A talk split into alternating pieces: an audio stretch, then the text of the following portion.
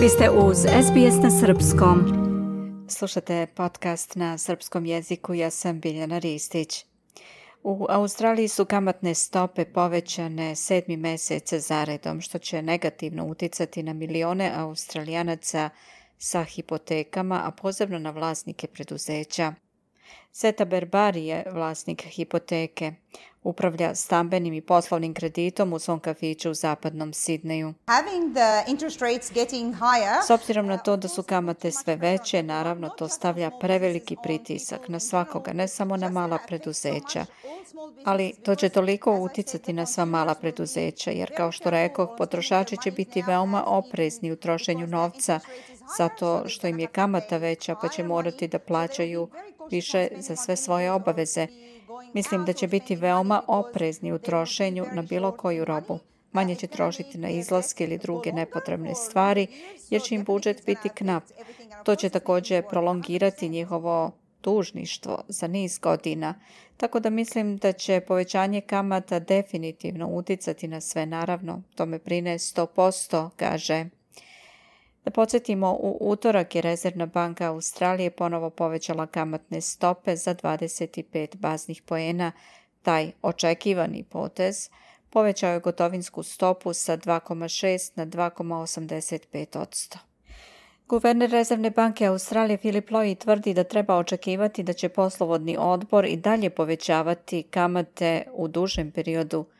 Također se predviđa da će inflacija dostići 8 Federalni blagajnik Jim Chalmers kaže da je to viši procenat od onoga koji je državna blagajna predvidela u budžetu za 2022-2023. On je u utorak izjavio da je to još jedan težak dan za Australijance koji su već uveliko financijski preopterećeni. Sad su izloženi i dodatnom pritisku zbog upozorenja centralne banke da je inflacija u Australiji previsoka, kao što je slučaj i u većini drugih zemalja u svetu. Ekonomista sa Nacionalnog univerziteta Australije u Kamberi Ben Phillips tvrdi da će sve više domaćinstava osjećati sve veće posljedice povećanja kamatnih stopa.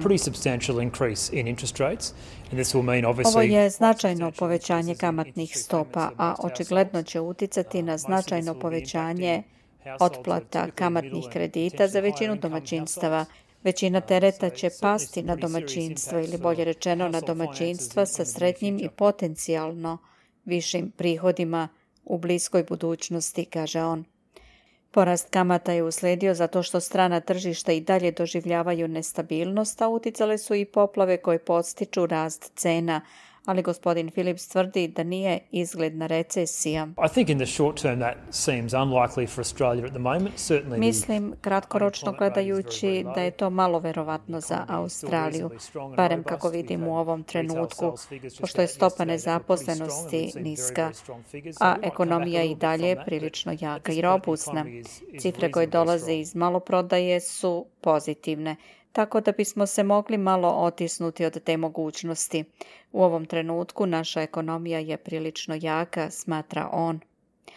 Liberalna opozicija međutim tvrdi da vlada treba da ponudi strategiju. Angus Taylor, koji je federalni blagajnik u Senci, kaže da se laboristička vlada predala. The Labor government has put up the white flag Vlada je isturila belu zastavu kada su u pitanju kamatne stope i inflacija u Australiji, a Australijanci će platiti cenu za to. Uh, Stajao sam ovdje šest puta zaredom od kako sam postao blagajnik u Senci. Svaki put govoreći da vlada mora da ponudi jasan i sveobuhvatan plan da se smanji pritisak na kamatne stope i inflaciju, i moja nada je bila, kao i mnogih australijanaca, mislim da ćemo to vidjeti u budžetu. Očigledno da to nije bilo tako i da je propuštena prilika, kaže on. Albanizijeva vlada je pod sve većim pritiskom da se pozabavi predstojećim značajnim skokom cena struje i gaza, iako to možda nije najveći trošak većine domaćinstava, on se brzo pojavljuje kao jedan od najočiglednijih znakova ove inflatorne ekonomije.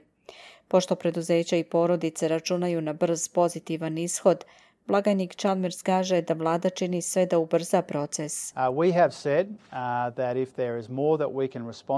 Rekli smo da ćemo uraditi ako postoji još nešto što možemo da uradimo odgovorno, da otklonimo deo nevolja zbog rasta cena energenata izazvanih ratom u Ukrajini i trenutno smatramo da smo u procesu konsultacija. Svesni smo da ovdje postoji niz složenih interakcija kada su u pitanju tržišta energije. Zato želimo da odvojimo vreme da to ispravimo, ali također prepoznajemo i hitnost, kaže blagajnik Chalmers. Izveštava za SBS News Omah Bello. Interesantno je pogledati šta misle četiri najveće banke. ANZ očekuje da će gotovinska stopa dostići vrhunac od 3,85% u maju 2023. i ostati na tom nivou do sredine 2024. ANZ predviđa da će tada doći do smanjenja stope za 50 baznih poena u drugoj polovini 2024. Commonwealth banka je najoptimističnija od velike četvorke. Predviđa se da će stopa gotovine dostići 3,10% u decembru 2022. i ostati stabilna u prvoj polovini 2023. Commonwealth banka zatim očekuje da će gotovinska stopa pasti za 25 baznih poena na 2,85% do septembra 2023. i još 25 baznih poena na 2,60% do decembra 2023. NEB predviđa da će stopa gotovine dostići 3,60% do marta 2023. i ostati tamo do kraja godine, pre nego što padne za 50 baznih poena na 3,10 do marta 2024. NAB predviđa da će tada pasti za dodatnih 25 baznih poena do juna 2024 na 2,85%. I na kraju Westpac banka predviđa da će stopa gotovine dostići 3,85% do marta 2023. i da će tada ostati stabilna do kraja 2023. pre nego što padne za 25 baznih poena na 3,60% do marta 2024. i još 25 baznih poena na 3,35% do juna 2024. Slušate program na srpskom, ja sam Biljana Ristić. Želite da čujete još priča poput ove? Slušajte nas na Apple Podcast, Google Podcast, Spotify ili odakle god slušate podcast.